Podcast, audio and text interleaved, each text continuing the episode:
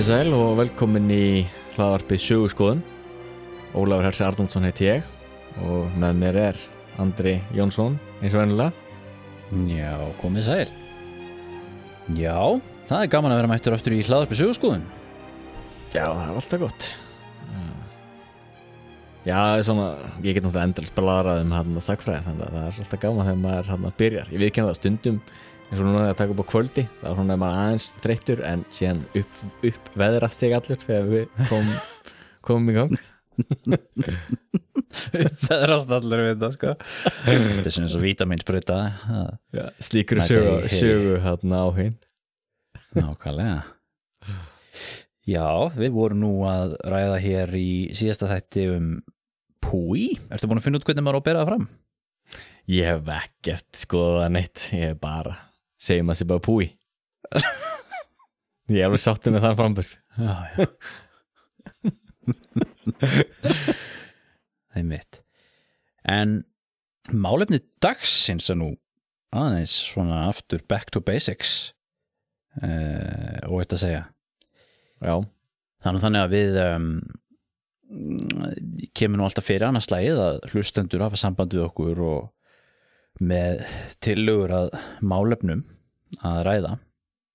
Og uh, það er nú því miður ekki alltaf sem við náum að verða við því en, en um, það var ágættur hlustandi sem hafði samband við okkur og stakk upp að við töluðum um málefni dagsins. Og uh, við ákvaðum að það væri nú alls ekki vittlust þar sem að það sem við ætlum að tala um er sögulegt fyrirbrið sem að já, kemur mjög oft fyrir í okkar umræðum hér enda kannski óhjákvæmilega. Mm. já og við höfum talað um það miljón sinnum en aldrei svona sem sögulegt fyrirbrið en það er heila á rómanska kesaradæmið. Já. Já, spurning, að maður er svo vanur í einhvern veginn heila rónska keisardæmi er ofta í bakgrunum en síðan er það svolítið erfitt að segja nákvæmlega hvað það er. Og náttúrulega mjög umdeilt fyrirbrið það er náttúrulega já, maður getur svona sagt sér endalust í það og talað uh, já, tala líka alveg endalust um það hvað er nú þetta fyrirbriði er eða ekki eða hvað það var eða ekki var og, og allan er mismandi túlkanir á því. Sko við náttúrulega uh, tókum það alveg svolítið vel í gegn í þættinum um 30 ástriði ég myndi alveg segja að það hefur verið svolítið svona um heila Rónska ríki af þessu leiti sá þáttur. Og en samt náttúrulega bara um 30 ára stríði já, uh, sem náttúrulega þetta er integral hluti af, af sögu heila Rónska ríkisins. Já, algjörlega.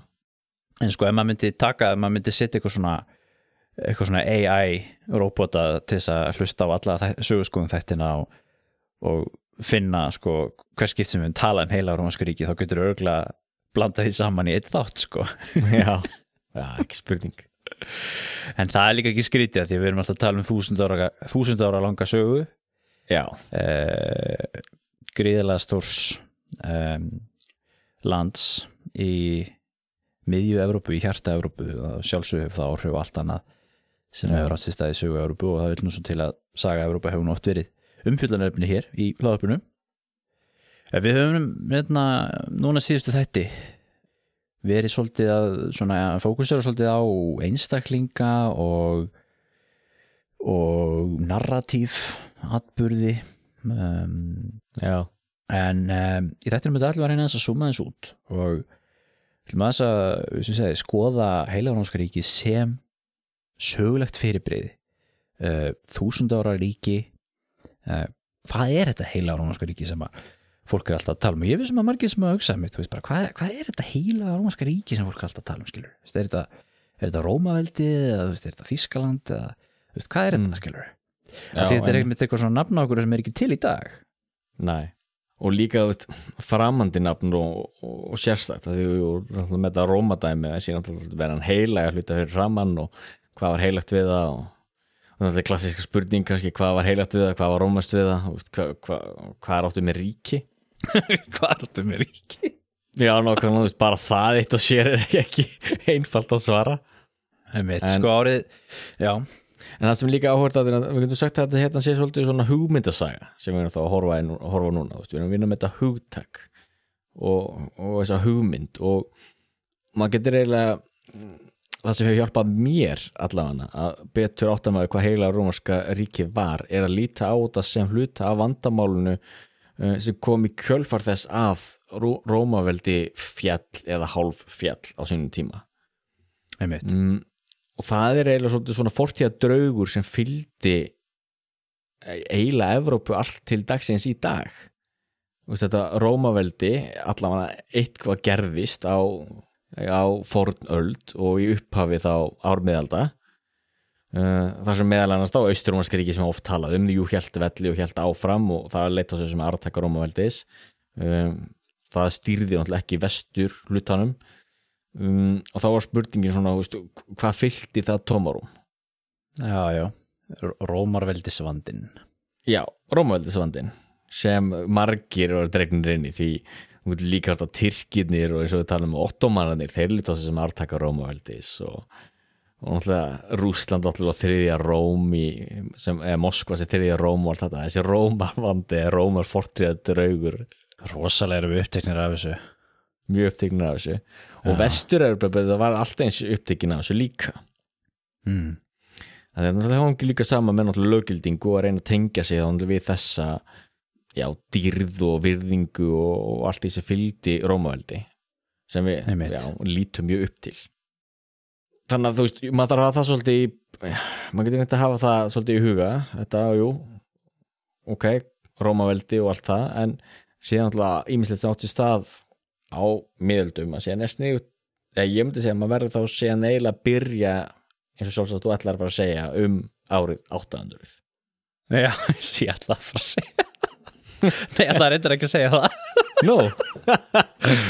nei, ég ætlaði bara já, við þetta aðteglur punktu sem við nefnir með, með sko Ró, Rómarveldisvandan sem ég veit nú ekki hvort það sé til orð Nei. en til sem orð en við erum með annað orð sem er Þísklandsvandin sem við hefum nú nefnt líka hér áður sem er svona sögulegt fyrirbreyði mm.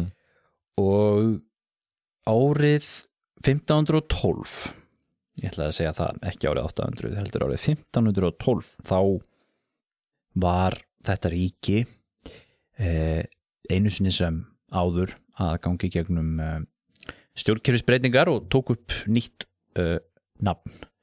Eh, og þá tók það upp mm, um, nafnið sem að það átti eftir að hafa það sem eftir var, eh, hið síðasta nafn sem er hið heilaga rómska ríki hinnar þýsku þjóðar sem að ég held mér alltaf að væri bara eitthvað djók í þér sem að þess að gera lítið úr þessu eða eitthvað.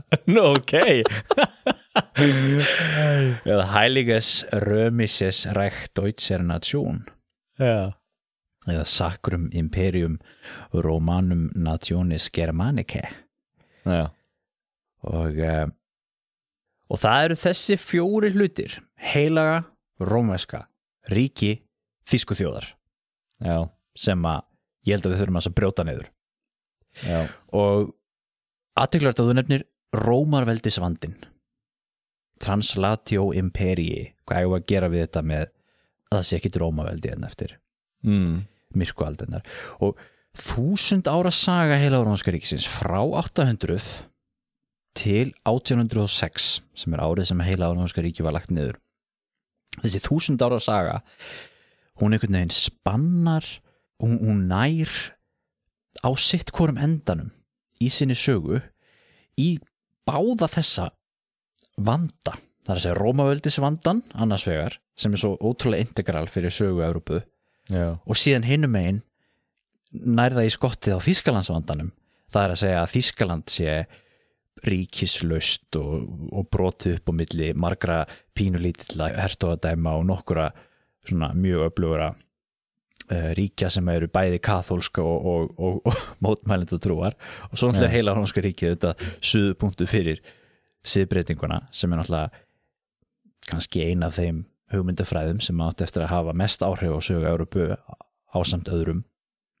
Mm. og já, mér finnst þetta svolítið áhugast að einhvern veginn og svo náttúrulega þetta hvernig heila árumanska ríki leiðundi lók var náttúrulega sem hluti af, af náttúrulega frönsku byltingunni og, og um, Nápolón styrjöldunum sem er líka svona gríðarlega mikilvægt dæmi í sögu Evrópa þetta er svona, þetta er svona hjarta sögu Evrópu í sitt hvern endan. Já, það er alveg góð punktur það er mjög áhugavert að það spila rullu alveg, þú veist, og stóra rullu í sikkvarum endanum. Og var og er mikilvægur hluti af sögu Evrópu.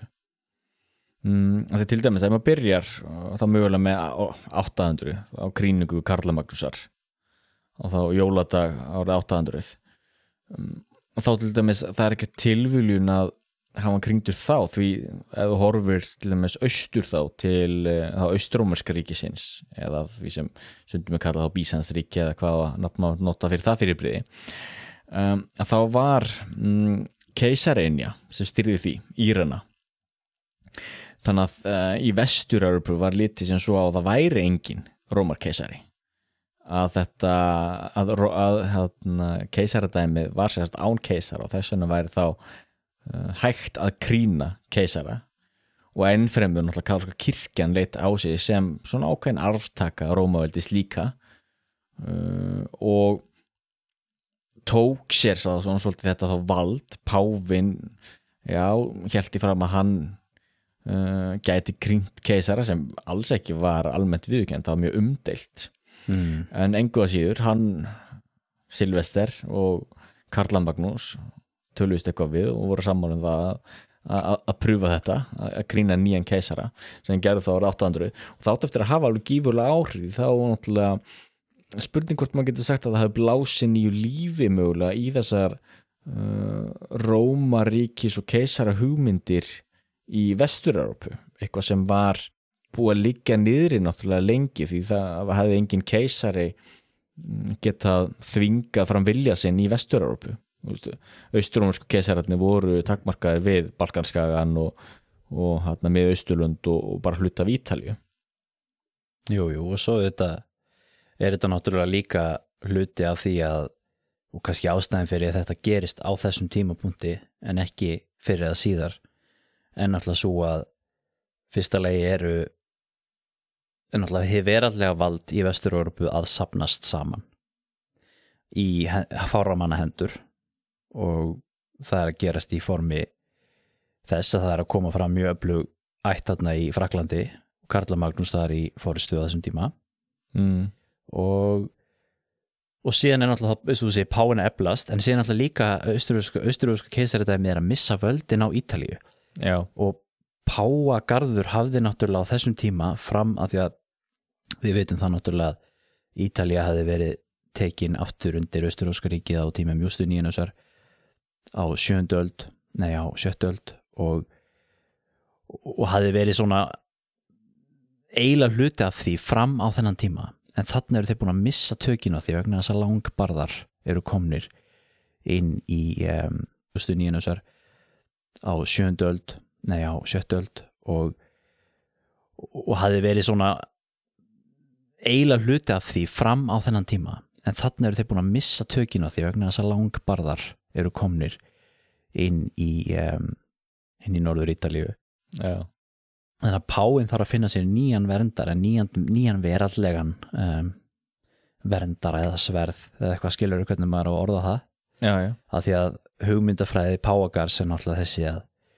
það er náttúrulega hægt að líta, þá, líta á Karlskirkjuna sem er artaka Rómaveldis en hún er samt alltaf bara á þessu andlega sviði hún vildi ekki vera veraldlegt vald og það tengist auðvitað inn í þetta sem við vorum að tala um til dæmis hérna um, um uh, krossferðina til dæmis þegar mm. Páagirkjan er á hátindi sínum þá þá er hún ekkert að fara að stopna eitthvað Rómaveldi sem er stjórnað að páanum eða eitthvað, veist, það er ennþá þessi hugmynd skilur, við, við getum ekki farið að berjast við þessa múslima, þú veist, við getum ekki senda ykkur að presta og munka hérna til þess að taka Jérúsalem veist, Nei. við þurfum að hafa eitthvað eitthvað keisara.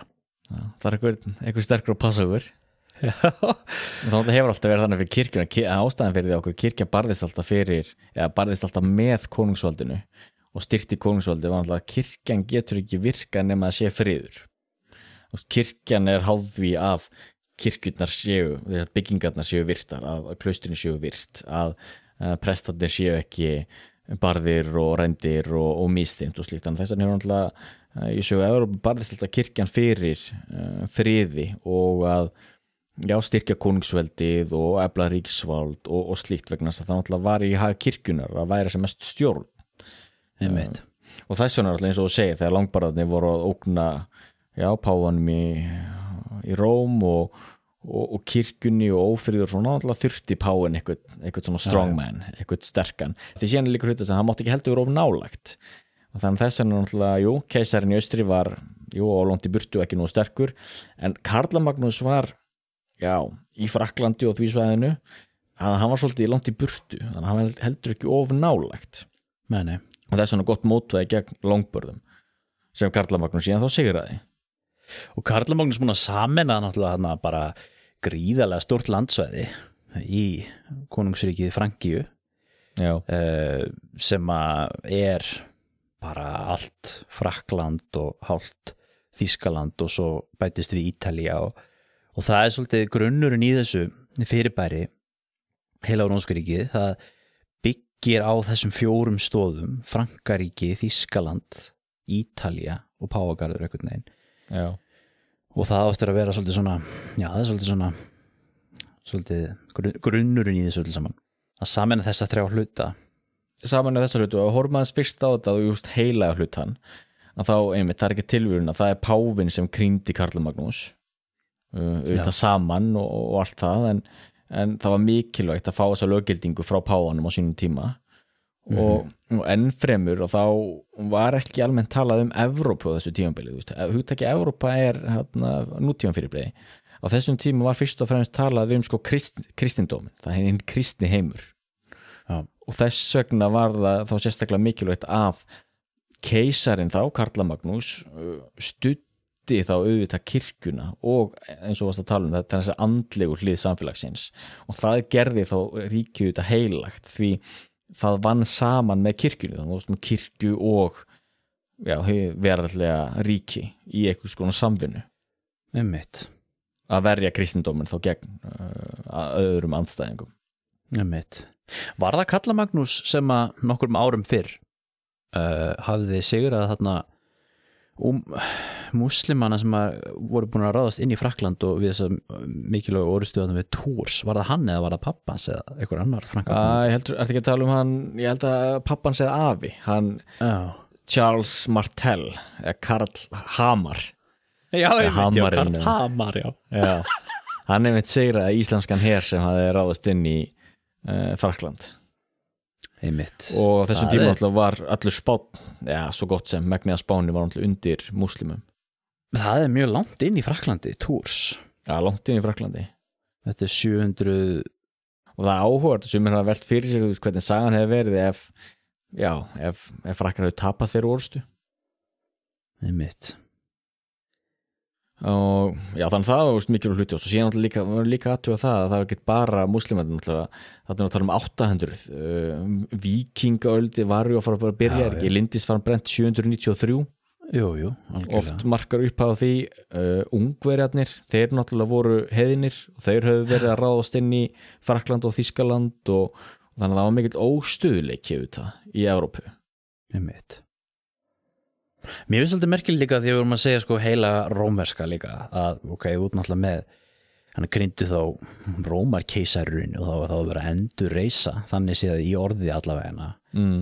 eh, rómarveldi þannig séð þó svo að þeir sé ekki að sko það er ekki verið að taka upp neinar aðrar stopnanir e, rómerskar stopnanir var, var það gert þarna?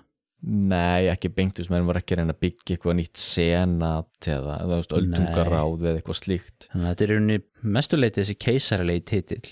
Já, En það er auðvitað þessi hugmynd líka og það, það er líka eins og þú segir, þú veist, það er ekki til eh, lí, flettast líka inn í þessi hugmyndafræði sem að náttúrulega, þú veist, þessi papísku uh, hugmyndafræðingar guðfræðingar, lögfræðingar og svo, svo líka þá frá, frá við hinnu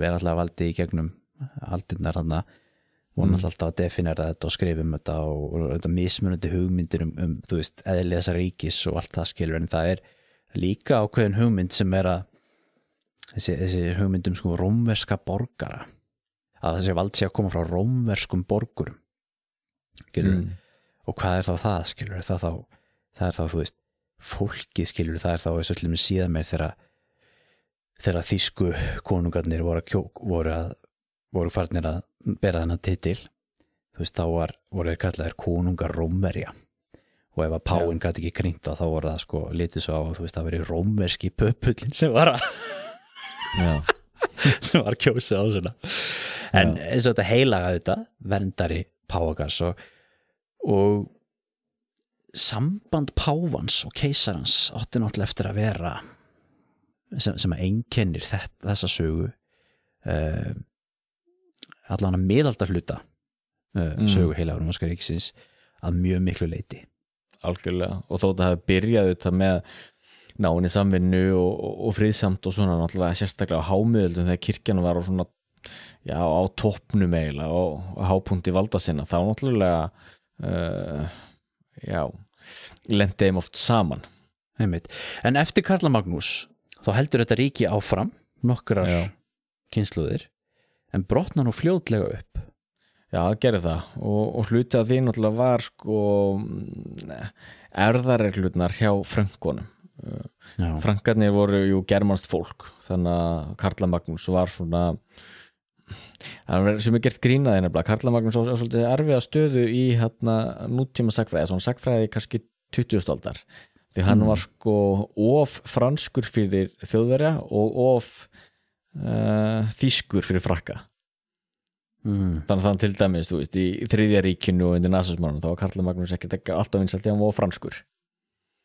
Um, en hjá fröngunum þá voru erðaregluna þannig að þú skiptir ríkinu á milli erfingjaðina Já, já, þannig að það sem gerðist auðvitað þegar einhver keisarinn átti þrjá sinni að þá var skiptinu, ríkinu skipt í þrend og þá brotnaði það alltaf í sundur.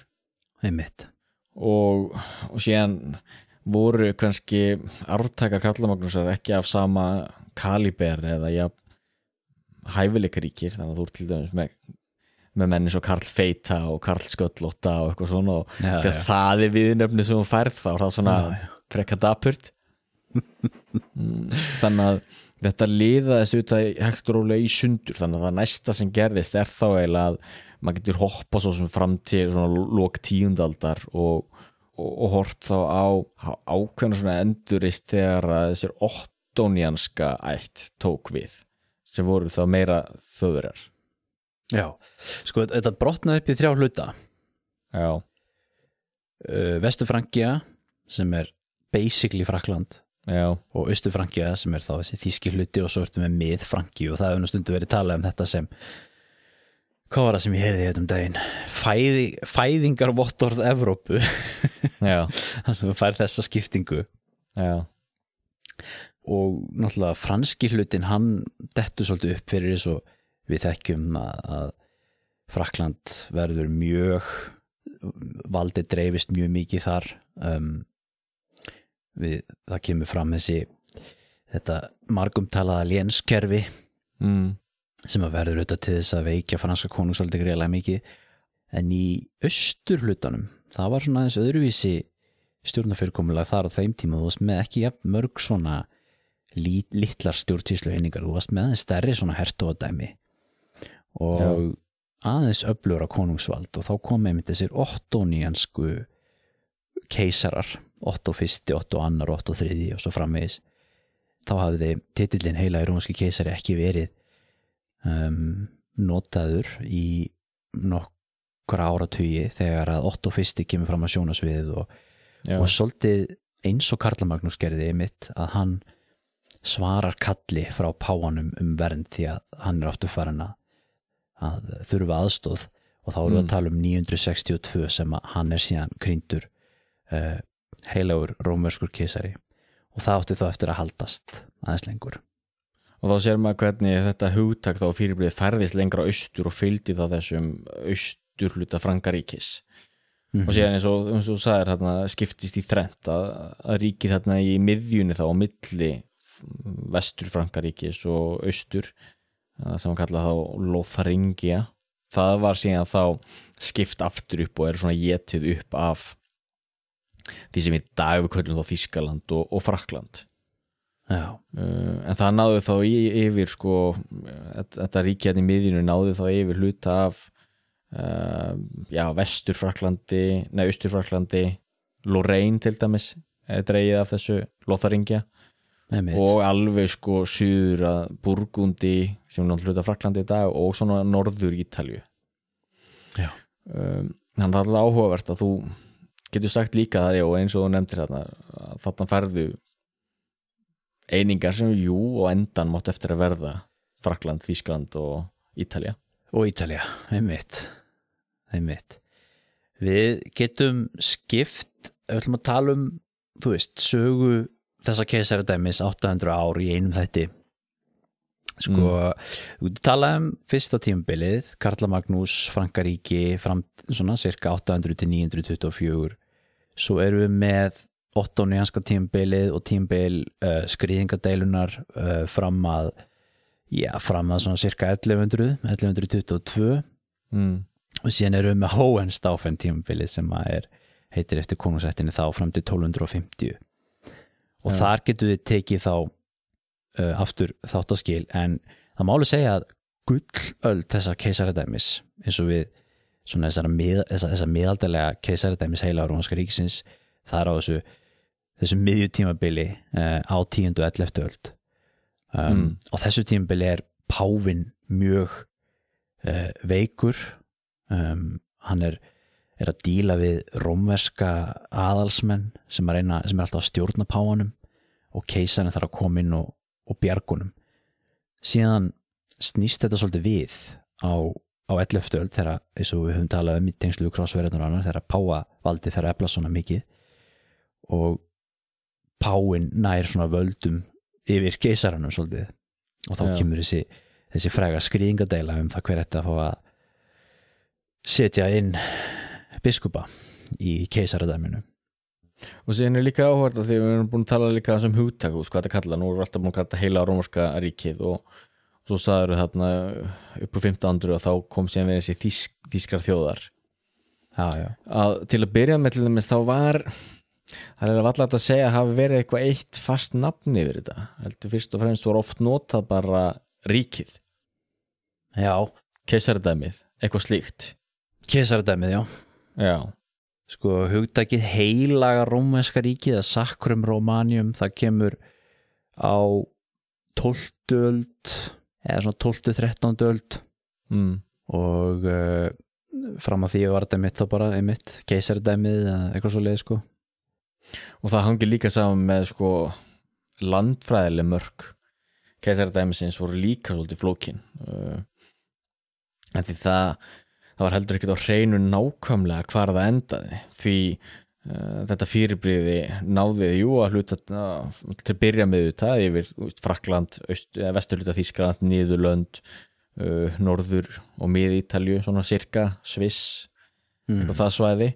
Svo eftir að Otto tók við veist, þá var þetta mikið af því sem er nú er Þískaland og á þessum tíma náttúrulega var uh, austurluti og norðurluti Þískalands var mikið dæmis um, um, eða var fyrst og fremst slavneskur. Það var ekki þjóðverjar sem byggu á þessum svæðum uh, heldur hinnur og þessi svona slavneskir ættbólkar sem hægt og rólega setna meir átt eftir að verða hluti af uh, þessu, þessu ríki og þá verða þjóðverjum og, og, og, og, átt eftir að verða til svona þískar einingar eins og Brandenburg, þessi Berlín í dag.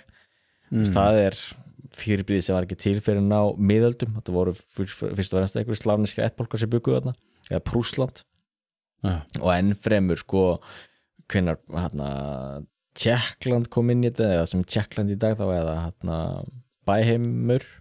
Já, já, mitt bara heimur, já.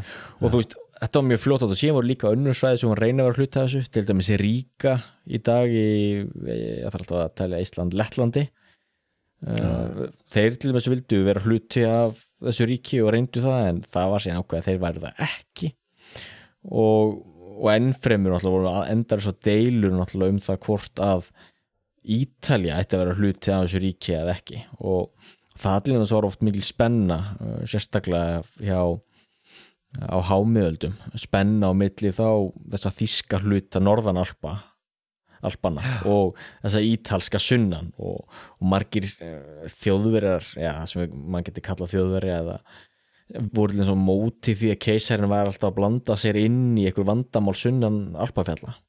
Einmitt og það var líka kannski svolítið þannig að þessum keisurum sem voru að reyna að vera eitthvað merkilegir að þeir voru kannski svolítið meira uppteknir af þessum ítalska hluta því það þótti meira fínt já, og ákveðin svona þróun sem á sér stað á 12. öld kannski eða þú veist hámiðöldum er að keisararnir eru sko að gefa eftir vald í Þískalandi til þess að einhvern veginn að kaupa sér vald á Ítalju mm. og það er þróun sem á síðan eftir að verða til þess að, að það, veist, á eftir að byggja undir þetta kerfi sem á síðan eftir að engina heila á Rónska ríkið á síðar hluta æfi þessa, þessa ríkis sem er einmitt þessi þetta sjálfræði þýsku Já. ríkjana já, og en það, það er auðvitað svolítið þannig einmitt á, á þessu tímabili þessu, þessu Hohenstaufen tímabili um, það sem að við erum með marga svona öfluga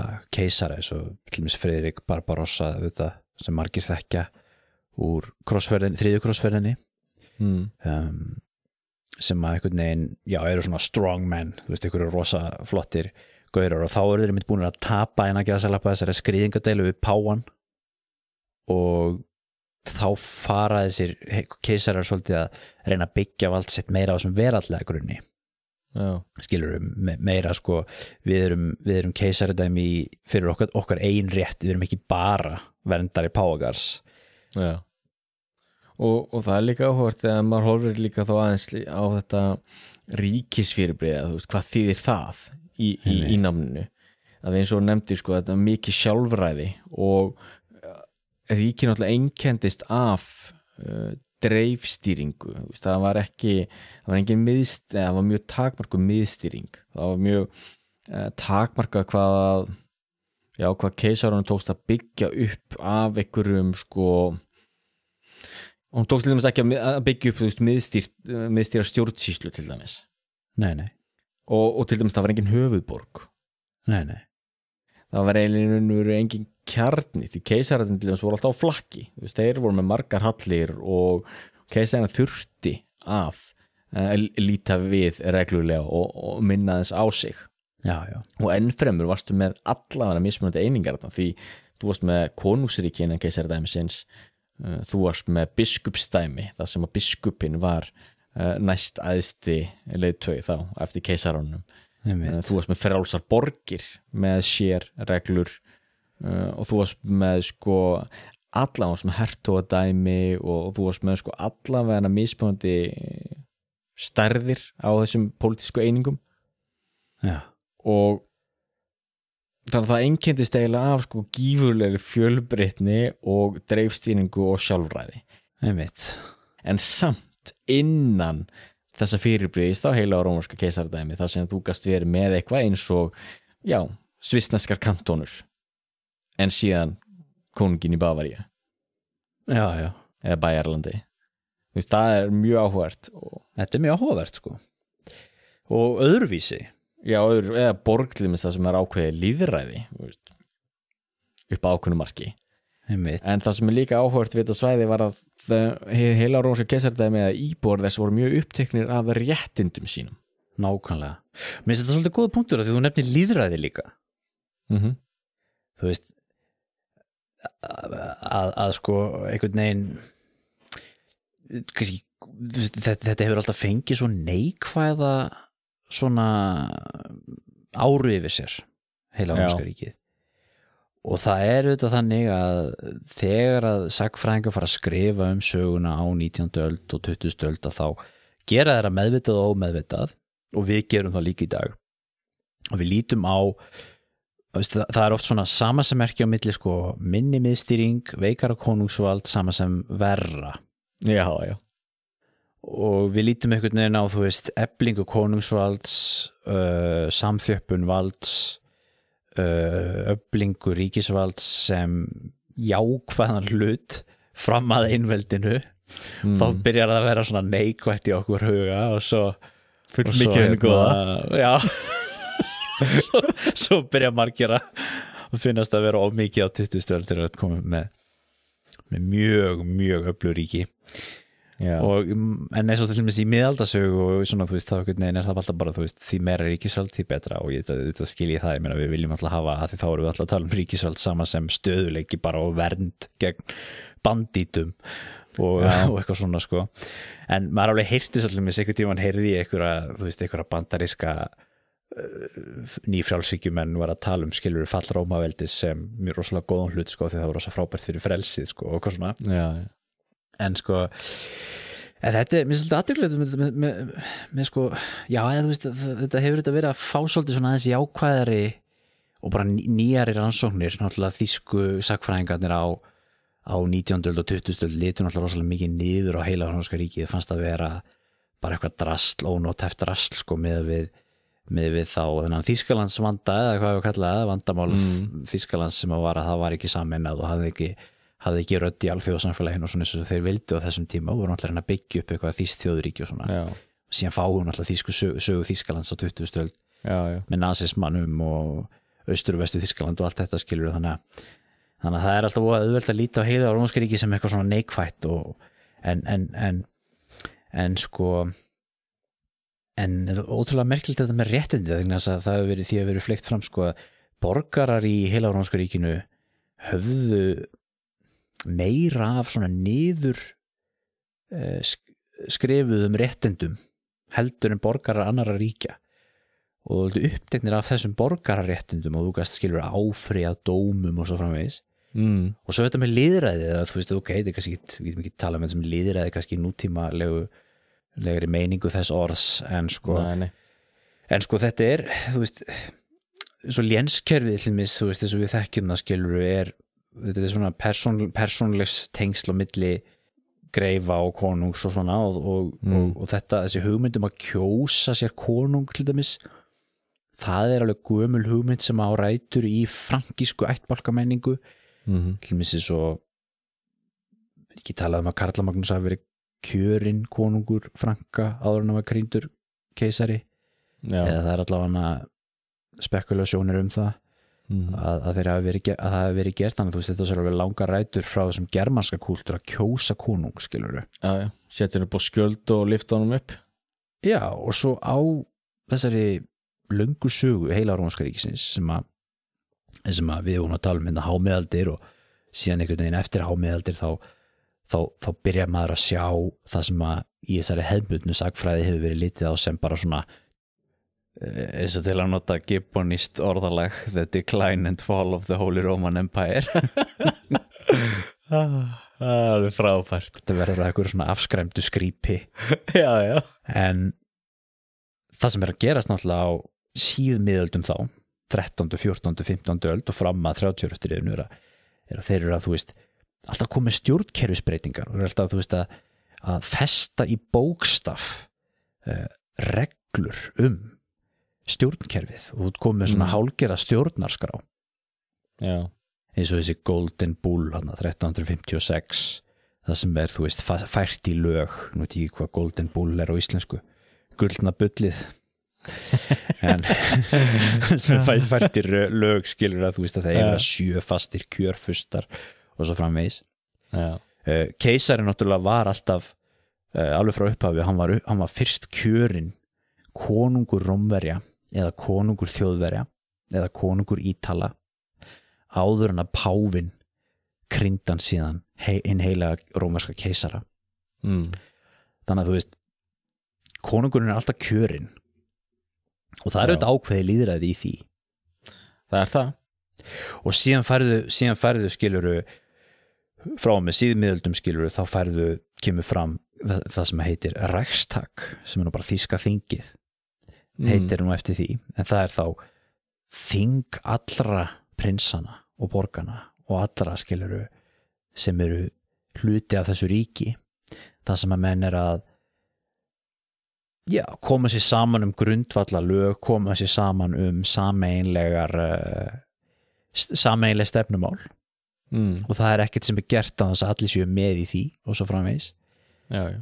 Þannig að þetta er svolítið áhugavert sko Það er það algjörlega og, og og, og fyrir ekki til að bæta sko að okkur finnst þetta framandi líka þess að þetta er óvenjulegt og, mm. Mm. og það hefur verið litið niður á þetta og ég held að það sé alveg öruglega þess að það er það eru fordómar bæði þýskra sagfræðinga á 1920 stöld og líka bara fordómar ekki þýskra sagfræðinga sem að veist, hata Þýskaland eða eitthvað ég leiði mér að koma Já. svo orði að því að okkur finnst eðlegt þessi þróun sem var í Vestur-Európa með þú veist, eblingu konungsvaldi sem gerist í Fraklandi og Spáni og Bretlandi og svo framvegi sko. Og samtíma munum þótt þetta líka framandi. Mm. við, samber Voltaire til dæmis og, já, sem fyrirlið þetta fyrirbrið já, á meðan að sko, en er náttúrulega líka við erum náttúrulega svo vönði í dag að allt sem við gerum er er stýrt og niður skrifað og niður njörfað frá vöku til grafar. Um, og svo vönið þú ert með stert ríkisvald en sannleikur út að sá að eins og kemur byrtist alltaf í fréttum. Meir hluti fólk sér á móti þetta fullt af því sem hinn og þessu sér ríkisvaldi er að gera. Það er hvort sér er að styrkja einhverja listasýningu sem, sem flestum finnst algjört rugglen en menningareiltun finnst voðalega flott og spennandi. Uh, já, hitt og þetta hinn og þessi verkefni og svona sem er verið að vinna. Uh, og þá náttúrulega er veit að þannig að þú eru búin að hlaða upp svona miðstýrðu kerfi að þá náttúrulega ertu búin að hlaða upp ákveðnum völdum á litlu svæði. Eða til dæmis horfið bara á Fraklandi í dag það er voða sérstakt að sjá til dæmis að París gjörsamlega eh, drottnar yfir öllu í Fraklandi París er lang, lang stærsta borgin í Fraklandi miðstýringin er alveg sko gífurleg. Á meðan það er með dreifstýrt kerfi þá náttúrulega ert ekki með svona mikla samtjöppun og þá ertu með mikið meiri fjölbreytileika og heim, út af uh, hvað maður segja, út af þjóðverðnishyggju og, og slíkur sem alltaf var ráðandi hugmyndafræði er ráðandi hugmyndafræði en þann dag í dag. Öll ríki í heiminum í dag eru þjóðríki. Mm, að þá er maður svo litaðar af þessum fordómum að það á að vera samtjöpun, það á að vera einsleitni. Uh, en heila rómarska kesardæminu náttúrulega var ekki það. Og til dæmis þetta var mikill missillins fyrir gýðinga að, að þetta ríki var leist upp 1806 og gýðingar til dæmis voru alls ekki sáttu við það því þeir höfðu til dæmis ákveðna réttar vernd sem tegði sér langt aftur til miðalda. Já, og jú við tölum við krossfaraþættinum auðvitað hvernig til dæmis að fara með ákveðna gýðingahópa í hinu heila rómarska keisardæmi en það voru frávik sem til dæmis keisarin uh, var mjög óanaði með maður orðar sem svo. Og, og, og keisarin var mjög upptekinn að passa upp á sína gýðinga og oft Já, aðri já. leið, leiðtúar og enn fremur til dæmis þú varst með svona bændasamfélög til dæla sjálfsta bændasamfélög eins og í Slésvík og Holtsetalandi þar sem að jú einhverjir herrar og einhverjir herrar voru að reyna að leggja undir sig og koma á einhverju svona lénskerfi. En þar sem að þessum bændu til dæmis tókst að hana, saminast á að nota líka hana, uh, landafræðina eða mikið að fennjum á svo svæði eða var það áður fyrr já, þannig gáttu þeir sigra þá og þá til dæmis var í sjálfstæði sitt. Uh, og svo að þau líka talað um líðræði það er alltaf þetta kjaftaði sem það er að líðræði að maður einhvern veginn horfir aftur til Aþenu og, og, og Gríklands og þannig. Þú veist, eitt þriði hluti eitt þriði hluti íbúðana voru reynilega þrælar og svo stór hluti af útlendingur sem hefðu engan kostingar rétt og konur hefðu náttúrulega alls engan kostingar rétt þannig að þú skoða raunverulega hvernig hlutinu voru að þeim þá varst með pínu litin hóp ykkur að uh, kalla. Jú, jú. Mm, en hefði eiginlega róska keisaradæmi það er bara, það er alltaf litinir og það, það passa náttúrulega ekki inn í þessa fordóma og þjóðurninsíkju og allt þetta sem var svo ráðandi. Og meðan það er áhvert að horfðum á Þískaldi í dag að í Þískalandi ertu með sko fullt fullt af eh, borgum til dæmis sem eru með mik miklar og flottar domkirkjur eh, flott leikhús eh, allavega svona framalega á sviði lista og menningar vegna þess að það var svo dreifstýrt allt kerfið, þú varst ekki bara með París, það sem allt er byggt og allt er sett. Þetta, er ótrúlega góða punktur og, og hérna og ég var nefndi að hugsa það bara núna hérna í gær hann að spá í þessu sko með hérna af hverju fyrst okkur er þetta svona slæmt og af hverju, víst, ég hef líka alveg alveg líka ge- ge- gengst alveg við því að hafa haft þessa fordóma um heila Mm. rómaska ríkið og finnast þetta bara vera eitthvað svona drastl skilur Mm. og þú veist, og maður horfir á korti af Evrópu þess að þú ert með þetta Já, þetta mappgór sem Þískalandi er á miðöldum og fram til 1870 1870 eða 1871 og maður einhvern veginn alveg bara verður óglatt að sjá þetta sko. Til að skjóta inn þar sem meira sko breska krúnan átti smá landsvæði í Þísklandi rúsneski Já. keisarin átti smá landsvæði í, Þísklandi sem hann hafði ert. Þannig að þú veist, jú, alveg fárunlega reyningar en svo er þetta að hugsa sko hérna, hvernig skaðaði þetta Þískaland hvaða neikvæð áhrif hafði þessi dreifstýring á sögu Þískalands mm. ég, jú, jú, þetta 30 ára stríðið náttúrulega gríðarlega skadalegt stríðið þetta Mm. dóu miljóni manna og allt það en, í, spurning hvernig það hefði farið ef að heila á Nónskuríki hefði verið miðstýrt meira, ég veit ekki Já, Eh, svo þetta með Þískalands vandan sem kannski kemur svolítið upp úr þessu og þú færið einhvern veginn uh, Prústland land sem, sem er til upp úr þessum, þessum hvað heitir þetta, þýskuritturum hann í Pólandi skiluru það sem þið voru að kolonisera löndslafana já, já, krossfærir í Östur-Európu emitt og Það er áhverð að horfa á svona langar línur náttúrulega að þá germanir eða þá þjóðurar og slafar hafa verið jú að berjast í mörg hundru ár. Þannig að þú veist, jú, maður getur svona dreigja ákveðna línur. Já, já, svo ertu með til mér þú veist þess að þú nefndir hérna þessi austurhéru voru ekki hluti af heila Rónskaríkinu sko. Nei, nei, og það er Og svona hvort, ma hvort maður getur séð eitthvað svona hugreiningartengslu milli þess mm. og síðan sko jafnvel setna þegar þjóðverjar og í setni heimstyrildinni nasistar skilur ráðast inn í, inn í Póland og Sovjetrikinn skilur og svo, svo framjæðar geigvænleg ofbeldisverk þar já, og meðan það er svona nokkuð skonar réttaríki í, í Þískalandi sjálfu skilur en allavega Mm. þetta með sko að þú veist að Prúsland einhvern veginn er, er svona land sem, sem verður til úr þessu umhverfi mm. menna gríðarlega hernaðar þessa hernaða menningu sína það tekur síðan yfir og, og verður á Þískalandi sem síðan fyrir fyrir heimstyrlun og setni heimstyrlun og allt þetta skilur hana, maður getur kannski, kannski getur maður sagt að heila Ónóskaríki hafi skadað Þískaland kannski að, að þessu leiti, ég veit ekki. En Ja, svo, ja. svo líka þetta sko, með, með sko, þú veist, var, þetta eitthvað failed state skilur, eins og stundum er sagt? Mm. þú veist, það stundum tala, nota það hugtak. Já, já, ég meina, þú varst að nefna það voru, þú veist, dómkirkjur hérna út um allt skilur leikus og allt þetta. Og er það nú ekki þannig að Þískaland á, á 16., 17., 18. og 19. öld er náttúrulega bara uppspretta skilur menningar og lista mm. þú veist, við erum með Bach, Beethoven, Mozart skilur við erum með Hegel, Kant við erum með, þú veist Karl Marx og mm.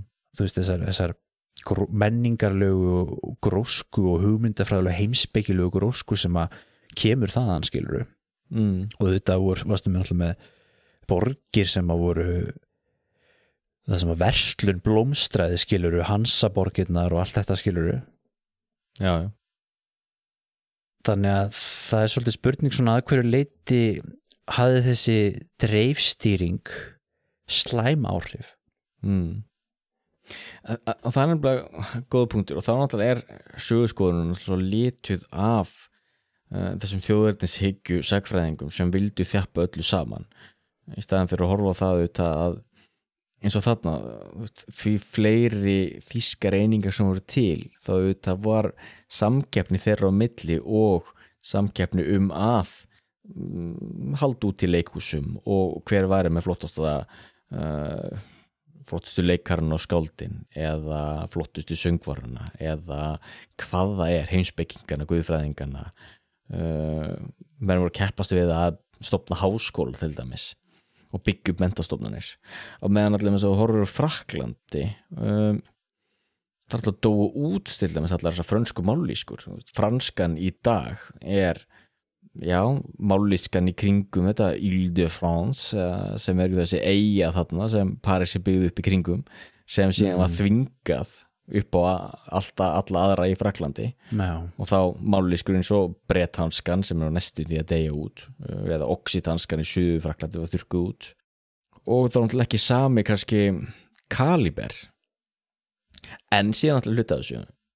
Í okkar samtíma þar sem er svona mikil áhersla á fjölbreytileika og, uh, og að fjölbreytileikin sé svo góður. Þá allt í henni verður það náttúrulega voðalega vinsælt að horfa á eitthvað eins og heila rómanska keisardæmi það sem er slíkt gætt blómstra það sem þú varst með þýskan fyrsta eitthvað staðar eða bændasamfélag eða kantónska bændasamfélag í Sviss eða eitthvað slavneskan ættbólk í austurlutanum þannig að þetta einhvern veginn gætt verið saman undir einhverjur svona, svona reglíf sem þó þetta ríki var og þess vegna sér maður þá einmitt að sko, sögurskoðunum breytist.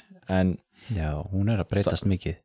En þú sér þetta líka til í bandarækjónum að samkeppninum allir fylgjana ítir undir það að þú ert að búa til og skapa. Einmitt. Á meðan að þú ert að reyna að steipalla í sama mót þá náttúrulega dregur úr sköpun.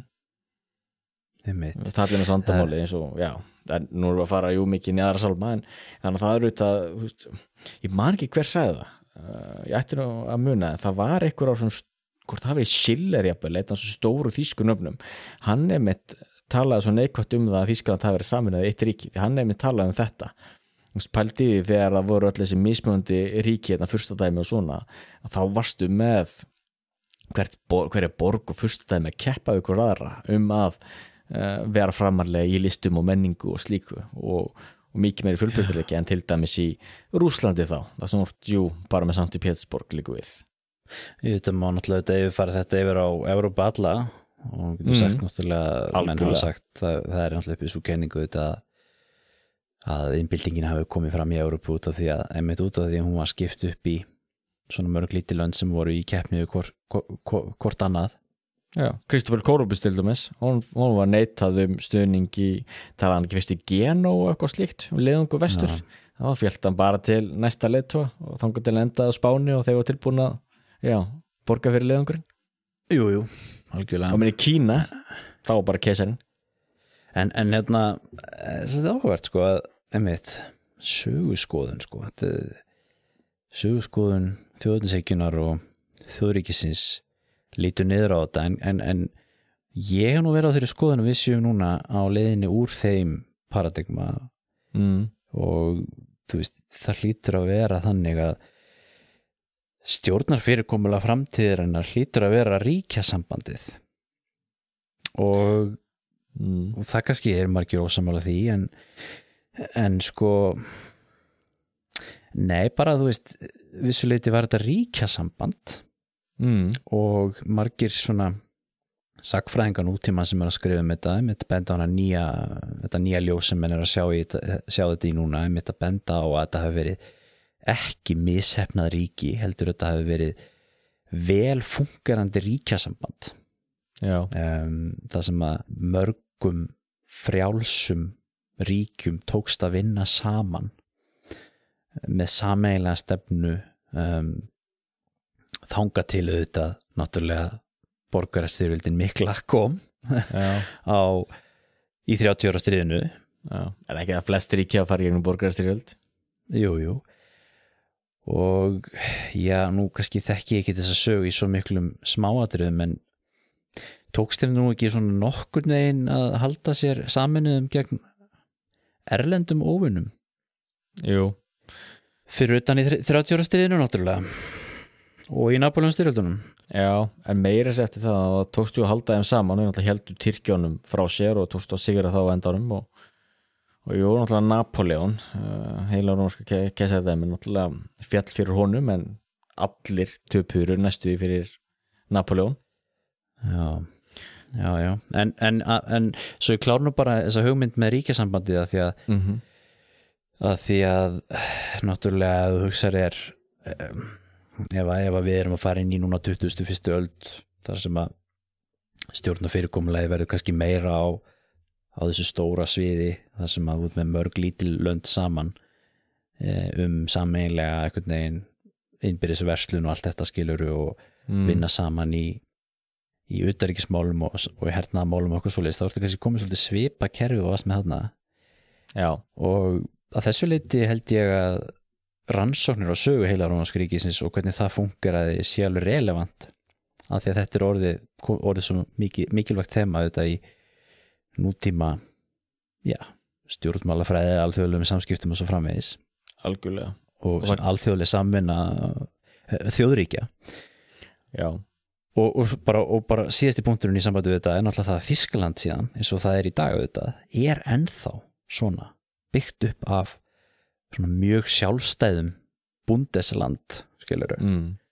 Nei, það er einmitt og góð punktur á því, það er einmitt það og, en þá sjáum við líka núna með Evrópusambandið mm. uh, eitt, eitt af því sem eitt af því eitt af því sem Evrópusambandið nota mest til þess að íta undir saminningu og til þess að búa til þetta sko þessa, þetta evróska fyrirbreyði þar sem að mann finnur eða upplifir það að maður sé Evrópu bú eitthvað hluta Evrópusambandinu eitthvað sko svona, svona identity kringum það. Mm. uh, það er menning. Evrópusambandið alveg pumpar pening í menningu og í hérna hín og þessi verkefnin.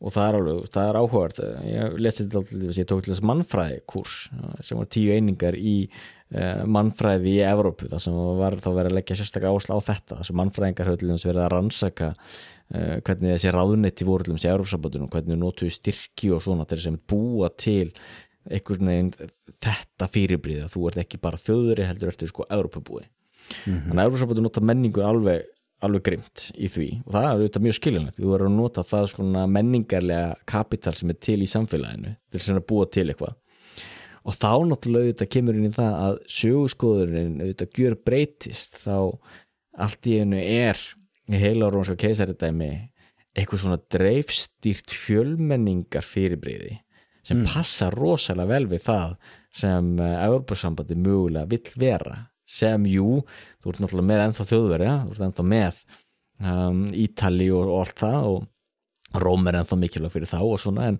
en þú ert með einhverja yfirbyggingu Já, og yfirbyggingin meira sér ekki á einu stað heldur ertu með ákveðna hlutaði Strasborg og, og svo er svona fjármál og höfuborginni mögulega Frankfurt og svo ertu með Brussel og, og það er eins með þarna heilarónska veist það var engin höfuborg en það voru nokkra mismunandi borgir sem var mikilvægar. Mm. Regensburg til dæmis sem ennum að þingið hafi verið þar og svona. Mm. og það var náttúrulega gjör breytist sagan allt í henni og eins og við höfum oft sagt og sagan náttúrulega er eh, þjónar náttúrulega bara tilgangi nútímans já, já, og algjörlega hún náttúrulega gera það líka hér og algjörlega. Og það er áhugavert að sjá náttúrulega hvernig það hefur þá breyst en það sem líka áhugavert er þetta samt mjög viðkvæmt. Því menn Já, já. í dag líka þurfa að passa sig samt hvernig þeir nota því.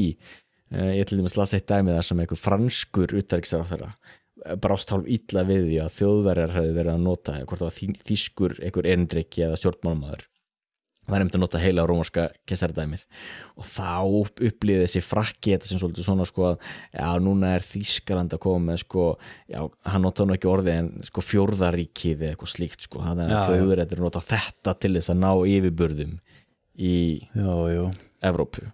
Já, já, þetta er náttúrulega dasræk já.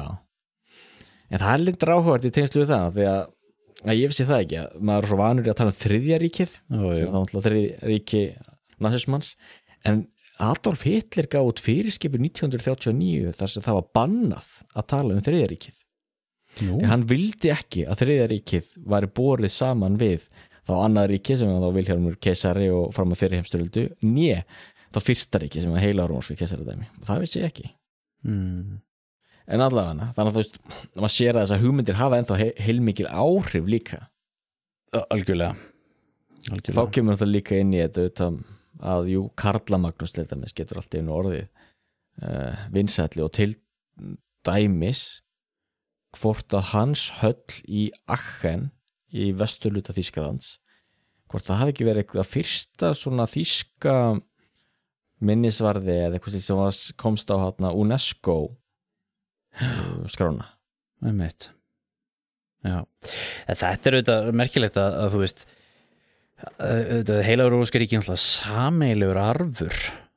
Mm. náttúrulega vestur-Európu þó svo þetta sé sko við tölum aðeins setnum á þann náttúrulega miðaldaríkið uh, og tímabilaskiptinguna þú veist fram til 1250 þegar þessi síðustu svona gömlu öflugu heilur sem höfðu eitthvað svona universal tilgang skiluru Mm. dutt upp fyrir. Og eftir 1250 þá döiði Friðriks Annars um, keisar, heilarómaska keisara þá, þá, þá er þið búin búin að missa áhrifun á Ítalju og, það- og það er stundu settur svona sett skil þar og eftir það verður þetta svona púra þýsk saga. Ekki lengur svona þessi universal saga sem það var fyrir það einhvern veginn.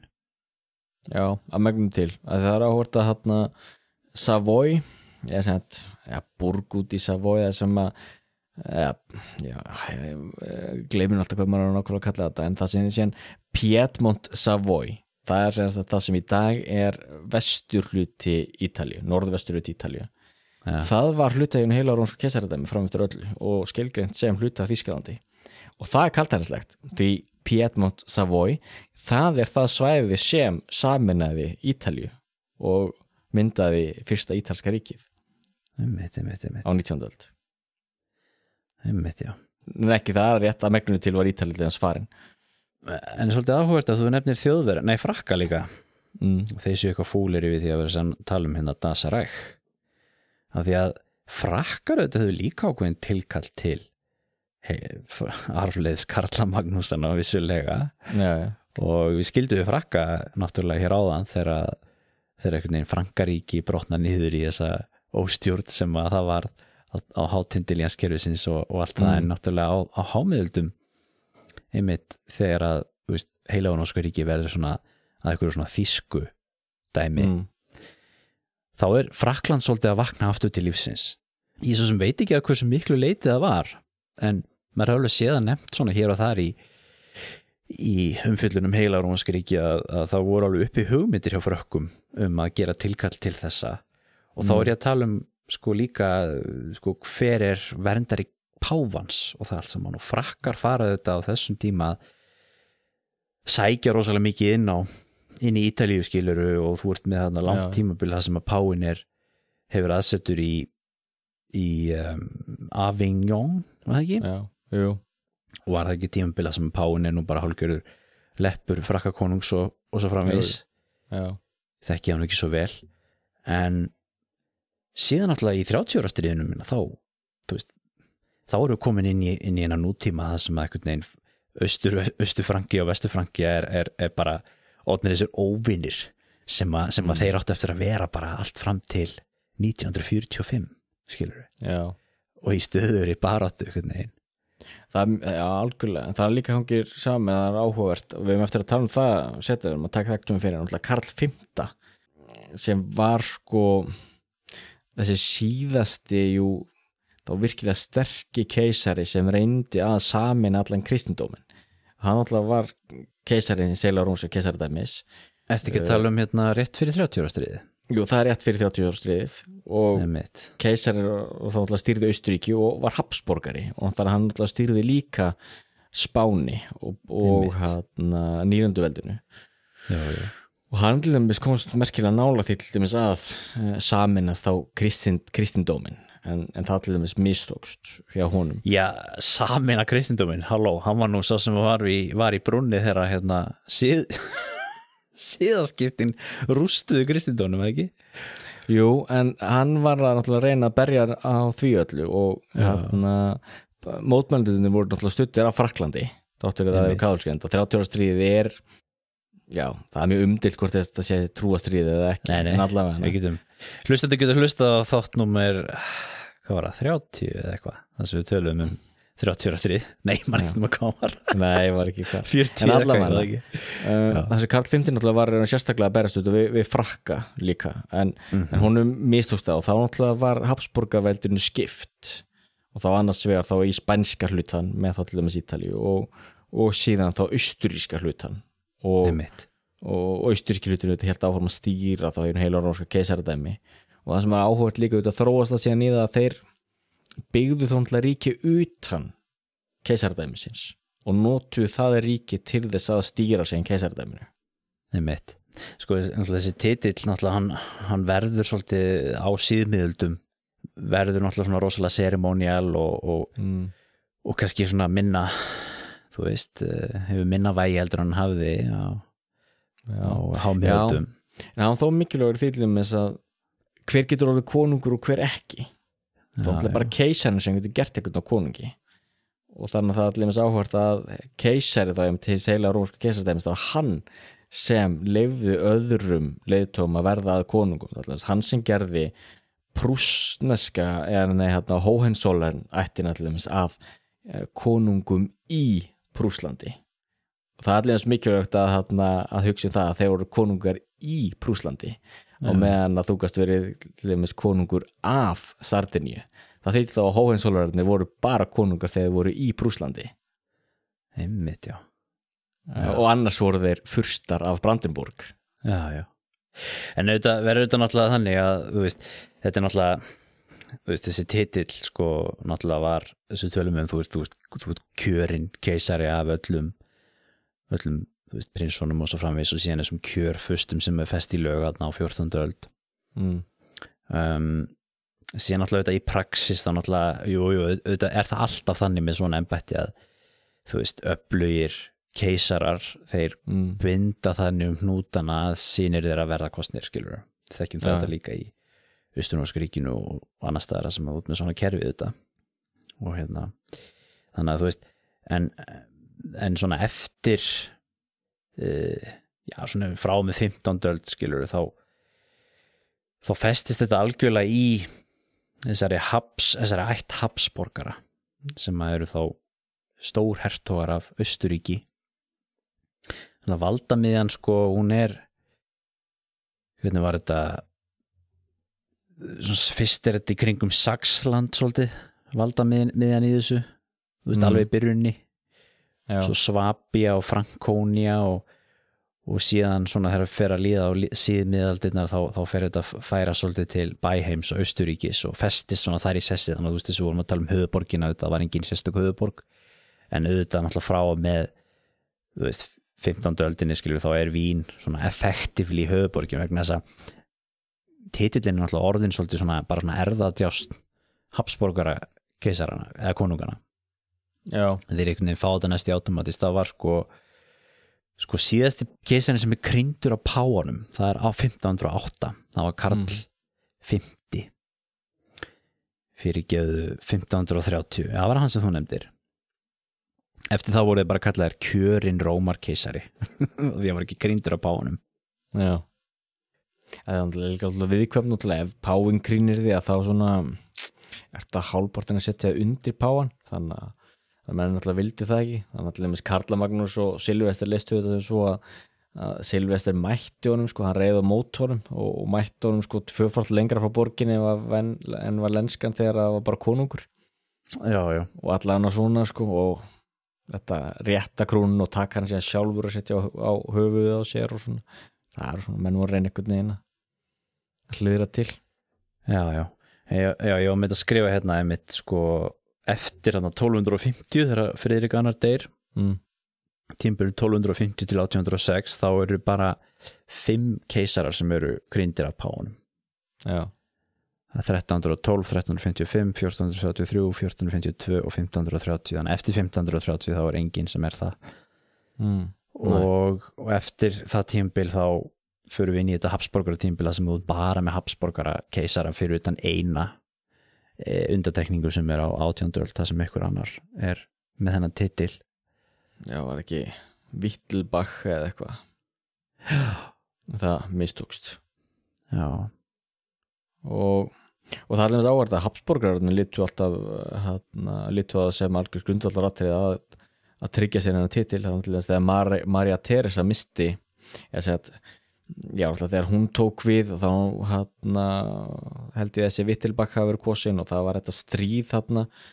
The War of Austrian Succession minnum að sé kallað. Já, já, uh, og, og, og þá til þess mistu Habsborgararnir titilin í nokkur ár. Þeir litu á það sem mikla krísu og mjög mikilvægt fyrir þú að halda hennan titil af því að keisærin náttúrulega var þá fremstur meðal jafningi, ja, ekki einu sinni fremstur meðal jafningi, keisærin náttúrulega var þá yfir öllum öðrum, allir aðra voru bara konungar, já, já. bara með konunga í Fraklandi og það er grundallega munur að vera konungur eða keisæri En aðeins aftur að þessu, við vorum að, að tala um einmitt, þetta heilaga rómanska ríki og þýsku Mm. þjóðar einhvern veginn, þetta sko að við sjáum hana, hvað sagði ég, 1500 og eitthvað, já, þú veist, Já. páin hættir að, að grína á svo kemur hana náttúrulega 30 ára stríð og séðskiptin sem veginn algjörlega rústar þessari hugmyndi að þetta sé eitthvað heilagt heilagur og verndari págars. Þannig að svo hugmynd svona deyr hægt og rólega út.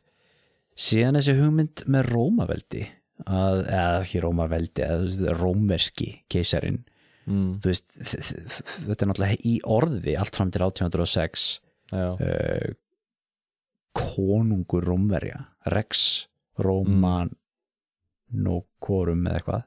Mm og síðan náttúrulega keisari Rómverja.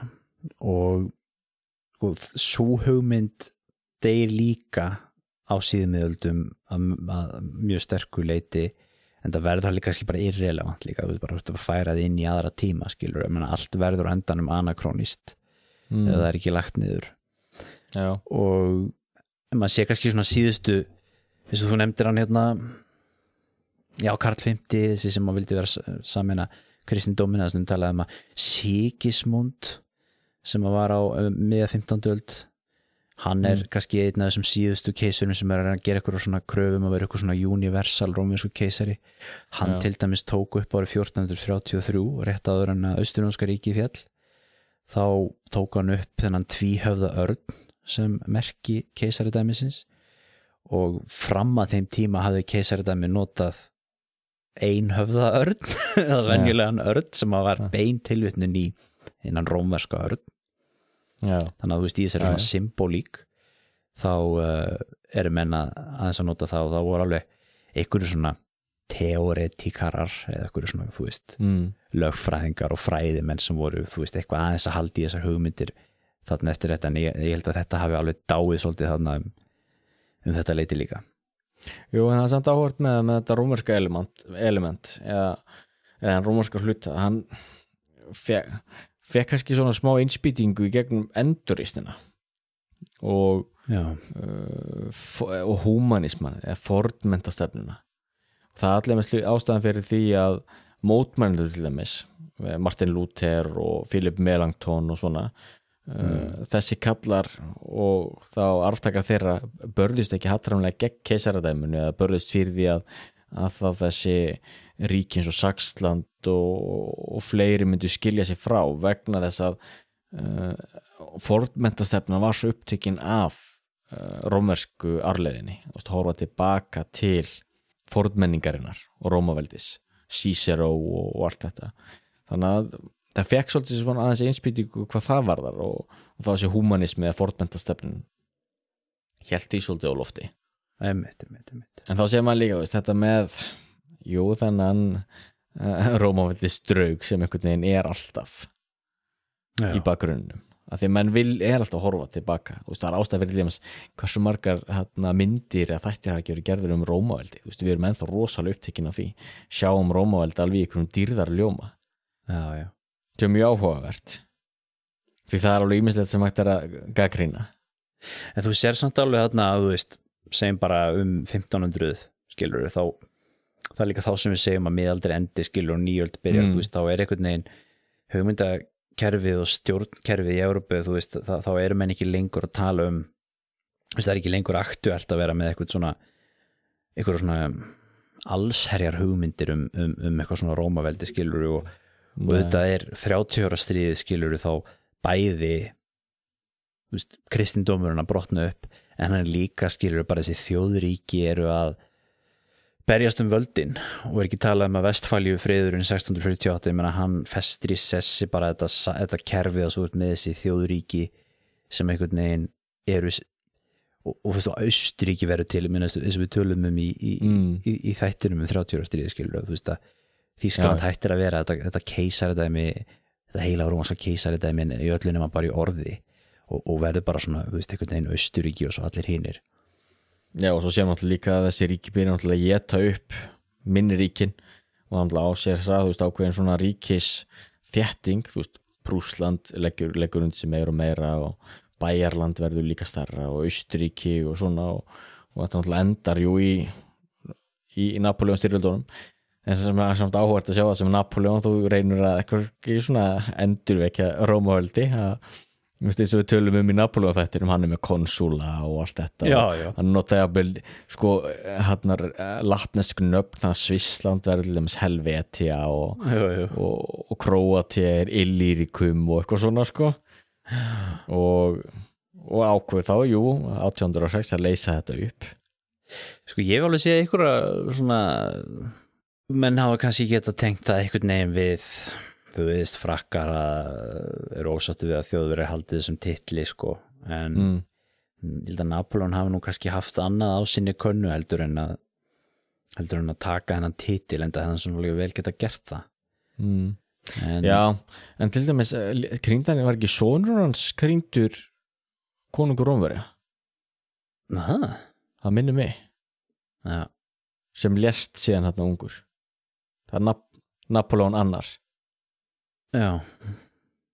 En hann krýnir sér náttúrulega keisara Fraklands 1804 Já, og þá er þetta náttúrulega já, komið út í svolítið svona bara allt annað heimurinn alltaf bara allt annar staður heldur hann var árið árið 804 þegar Karl Magnússon nýbúin að láta krýna sig heila rónska keisara á heila rónska ríki orðið ekki lengur heilagt og ekki lengur rómvest eins og vorum að segja og er orðið bara Vallaríki já en þó þýst ríkjasamband mm. það er það Já, og ég meina þessi tvíhöfða örn sem átti sem á svona hugmyndafræðilega rætur í gegnum þá austunóska ríkið og síðan vestunóska ríkið og þú veist og til aftur til Cesars einhvern veginn, þetta, þetta, Mm. þessi symbolík það er auðvitað bara að fara að tákna Þískaland bara í hugum flestra og þegar menn tala um Mm. Das Reich skilur þá eru menn að hugsa um Deutsches Reich eða Mm. bara Deutschland skilur en já,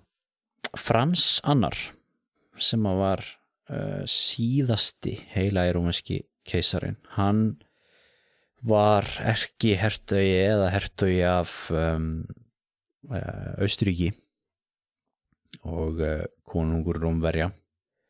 Þau voru reynda líka að vinna með titilinn konungur í Þískalandi mm. þetta er margir titlar þessu alltaf tala hérna um þess að titlarunur það eru skemmtilegar já.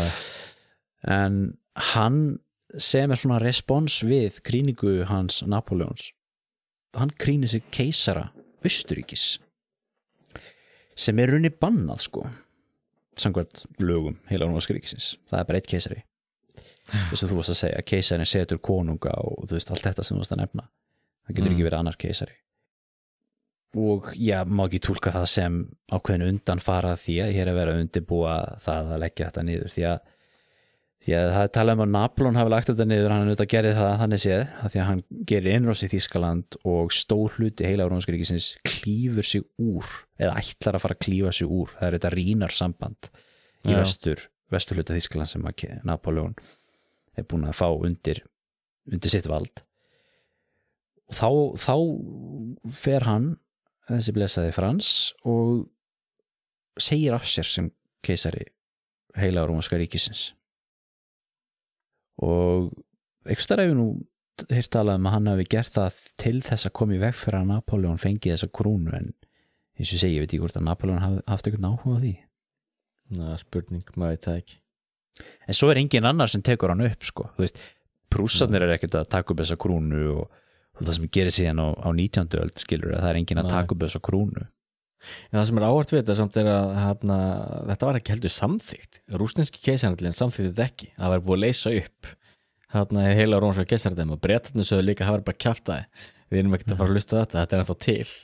Þannig að það voru margir veltaði fyrir sér að þetta er endurist jafnvel við í Já, hérna já. vínarfundinum er ekki 815 einmitt, En- einmitt, einmitt. en síðan alltaf eins og þú sagðir hérna veist, heimurinn er allt annar ára 1800 þannig að auðvitað sem velti fyrir jafnvel, þó að þetta hefði ekki verið lagt niður en 1806, þú veist, hvernig hefði þetta ríkisamband mætt til dæmis innbyltingunni og aukinni þjóðverðinshyggju og slíkt Austuríki náttúrulega eftir að, hálfklopna í Austuríki Ungverjaland til þess að reyna einhvern veginn að halda aftur á þjóðverðinshyggjunu og óttu síðan að splundrast eftir fyrirhipsturildina út á þjóðverðinshyggju já, um, þannig að það er mjög erfitt að segja en síðan samt er að varum að passa líka þegar flettist inn í þetta þegar við erum mikið að tala um þjóðveri og svona að, að sko það er lítið að þessi þjóðveri er til dælega nýtt fyrirbrið því menn voru fyrst og fremst kannski frá Þúringju eða Saxlandi eða Bæjarlandi það er meira sér til sko einhver örsmá stjórnmálflokkur í Bæjarlandi í dag sem, sem, sem hefur þá stefnunskar á að Bæjarland eigi að kljúfa sig úr Þíska ríkjasambandinu og lýsi við sjálfstæði það er alveg stórmerkilegt og ég meina að Bæjarland Já. var með konung bara sem stopnun langt Mhm. inn í, inn í sko inn á 20. öld mm. og þeir til dæmis voru með sérstaka stöðu innan þíska keisaradæmisins með það að því leita þeir hvernig var það, þeir, þeir höfðu sín eigin her sem að hérna þurfti ekkit að vera undir samaneilegri yfirstjórn nema á stríðstímum. Þannig að fyrir heimstyrlutinu þá fóruð þeir inn í þíska herin einhvern veginn. En samt sérstaklega mertir sem sko Bæjarland já, já. og enn fremur þess að við horfum til svo bæheim þar sem að hérna þar sem að, já, einmitt miða 20. svo þetta var blóðu og sögu þar sem að tjekkar og þjóðverjar voru að já, kúakoraðar og berjast og deila. Um, eða ferða hans aftur, aftur í tíma til dæmis og ert þarna um, til dæmis á 19. öldinni að þá var það eitthvað sem hann búið til hann hérna Thomas Sowell sem er hérna bandarsku fræðimæður sem ég mikið lesið og hefur haft tölver áhrif á mig og ég held mikið upp á mm. hann tóra náttúrulega sem dæmi hérna bæinn Budweiser Budweiser í, í bæheimi þar sem að íbúar Budweiser voru já, það er Budweiser björnum bandarski kemur vist frá Tjekklandi en íbúar bæjarins það voru ekki þjóðverjar eða tjekkar heldur voru þeir íbúar Budweiser en það sem tjekkneska mentaelitan gerði auðvitað sem svar við því sem þísk mentaelita gerði Já. var að búa til tjekknest þjóðarengenni og þjóðarninshyggju auðvitað samfra- samhlega því sem þísk þjóðarninshyggju var búin til og þísk engenni og þá allt í hennu kom þessar hugmyndir að íbúar Böttvæsir voru ekki bara einfallega íbúar Böttvæsir heldur þjóðverjar eða tjekkar og það þurfti þá allt í hennu alltaf að vera á tjekknesku eða alltaf að vera þísku og síðan deilutnar og skipta sútutarlöndunum og, hitlir að samina þjóð, þjóðverja. Og svo náttúrulega allir hryllingur þegar við það og síðan allir þjóðverðin hræktir út úr Tjekklandi skiljanlega eftir því sem það er gengið á. En þú veist það voru að gráðlega þarna varstu með tiltölu varstu með friðsamt samfélaga sem íbúðin voru bara íbúðar bötuvæsar en síðan voru þeir gerðir að þjóðurum og tjekkum og börðust síðan eftir því. Tjekkoslovakíuismi er það ekki eitthvað hugtak? Jú, berast fyrir því að þetta sé eitthvað sérstætt dæmi er á meðan sannleikunum er svo oft í gegn sögunni sko, eins og íbúðins heila rómarska keisardæmis þá var fyrst og fremst örgulega uppteknum að því að þú varst í já, lukkuborgleðum í Norð-Ískalandi þá varstu íbúið þeirra borgar. Það er borg sem væri gaman að búi Já. Það er það Slesið hvort þetta landi. Mjög svo gaman að nota þessi íslensku orð. Lukkuborg, það er eitthvað geggjað. Já, það hljómar eins og eitthvað úr andresblæði eða eitthvað en já. En það er eins, þú veist, eins og já, eins og við kannski já, hvað maður segja eins og með Íslandi. Já, þú ætlar að tala um eitthvað að það verið Íslendingur árið þúsund, jú, jú, menn notuðu það hugtak en það fyrir náttúrulega eitthvað annað en það fyrir í dag okkarlega Já, þetta er heila á Rómaskaríkið stórmerkilegt fyrirbæri sem að er nú ekki fyrsta sinn sem við tölum um hér og væntanlega ekki það síðasta heldur. Örgulega talsverta endurtekningu En getur þú þá sagt, Andri, ég verða að skjóta þegar því mér datt allt í einn hug að við Já. erum svo miklu bísansvinir, erum við núna orðið vinir hins heila rómska kessardæmis Ég skal allan að viðkynna það ég fekk, er búin að fá svona jákvæðari uh, viðhór til heila á Rómanska ríkisins en ég hafði áður. Og sérstaklega bara með það að ég mitt bara út af því að þú veist að segja, bara eru alltaf einhvern veginn haldið haft svo mikla fordum að gagvart þessu. Mm, Sama hér. Af því að þetta var svo dreifstýrt. Mm. og maður einhvern veginn automatist lítur á það sem neikvæðan hlut. En það þarf Já. ekkert að vera það. Nei, nei. Og um, og mér finnst það alveg mjög áhugaverð hugmynd sem ég hef ekkert uh, spáð svo mikið í og var alveg til í að uh, lesa með þess betur upp um eða, eða taka þátt í umræðum um það sem er sko einmitt þetta, þú veist hvaða neikvæð áhrif hafði þessi dreifstýring á sögu Þýskalands mm. eh, getum við sagt að er, er, er 30 ára stríði aflegging þess ef, ef já, þá, þá myndi ég þá er það örgulega hægt að segja að það sé mjög slæm áhrif Eh, er ris Prúslands og uh, þessi hernaðar menning þaðan sem að síðan leiti til setni heimstyruldunar kannski þó að það sé kannski bara eitthvað svona mjög svona andþísk sögurskoðun ég veit ekki hvort hún sé rétt en ég meina, er, er það neikvæð áhrif af þessu eða ekki? Það verður áhugavert að mm. heyra hvað fróðari menn hafa um það að segja.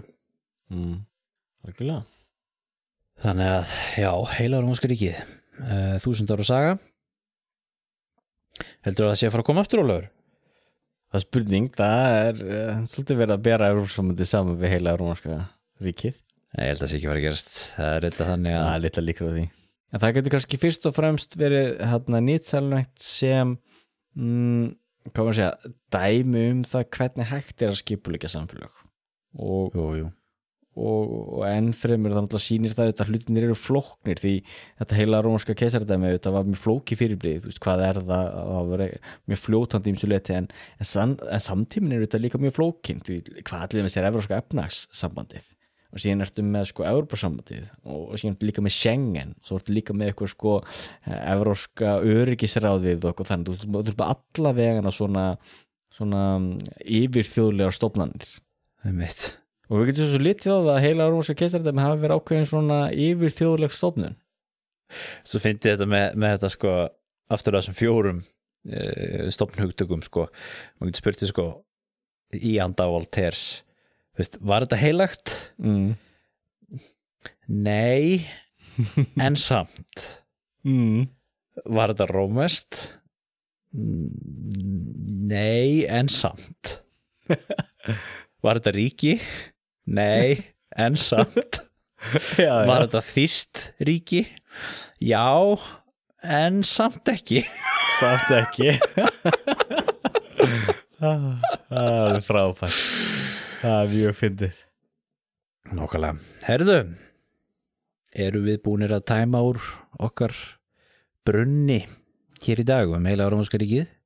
já, það er ekki komið beina hálfan svanilega Hmm. Jó, við uh, bara endilega hvetjum hlustendur til að hafa samband og, og stinga upp á málöfnum til að ræða. Um, Netvangþáttarins sögurskoðunat gmail.com Að því sögðu, þá uh, segjum við þetta gott hér af hlaðarpunum sögurskoðun í dag. Næsta þetta ætlum við að uh, ræða aðeins aðra hluti. Við uh, vorum nú aðeins búin að tala um það hér aðan ætlum að ræða það aðeins betur núna hér á eftir þegar við slökkum á mikrofónum hvað það verður, mm. ekki? jú, kemur í ljós Það kemur í ljós þökkum við fyrir okkur í dag, kæru lustundur og verið sæl Verið sæl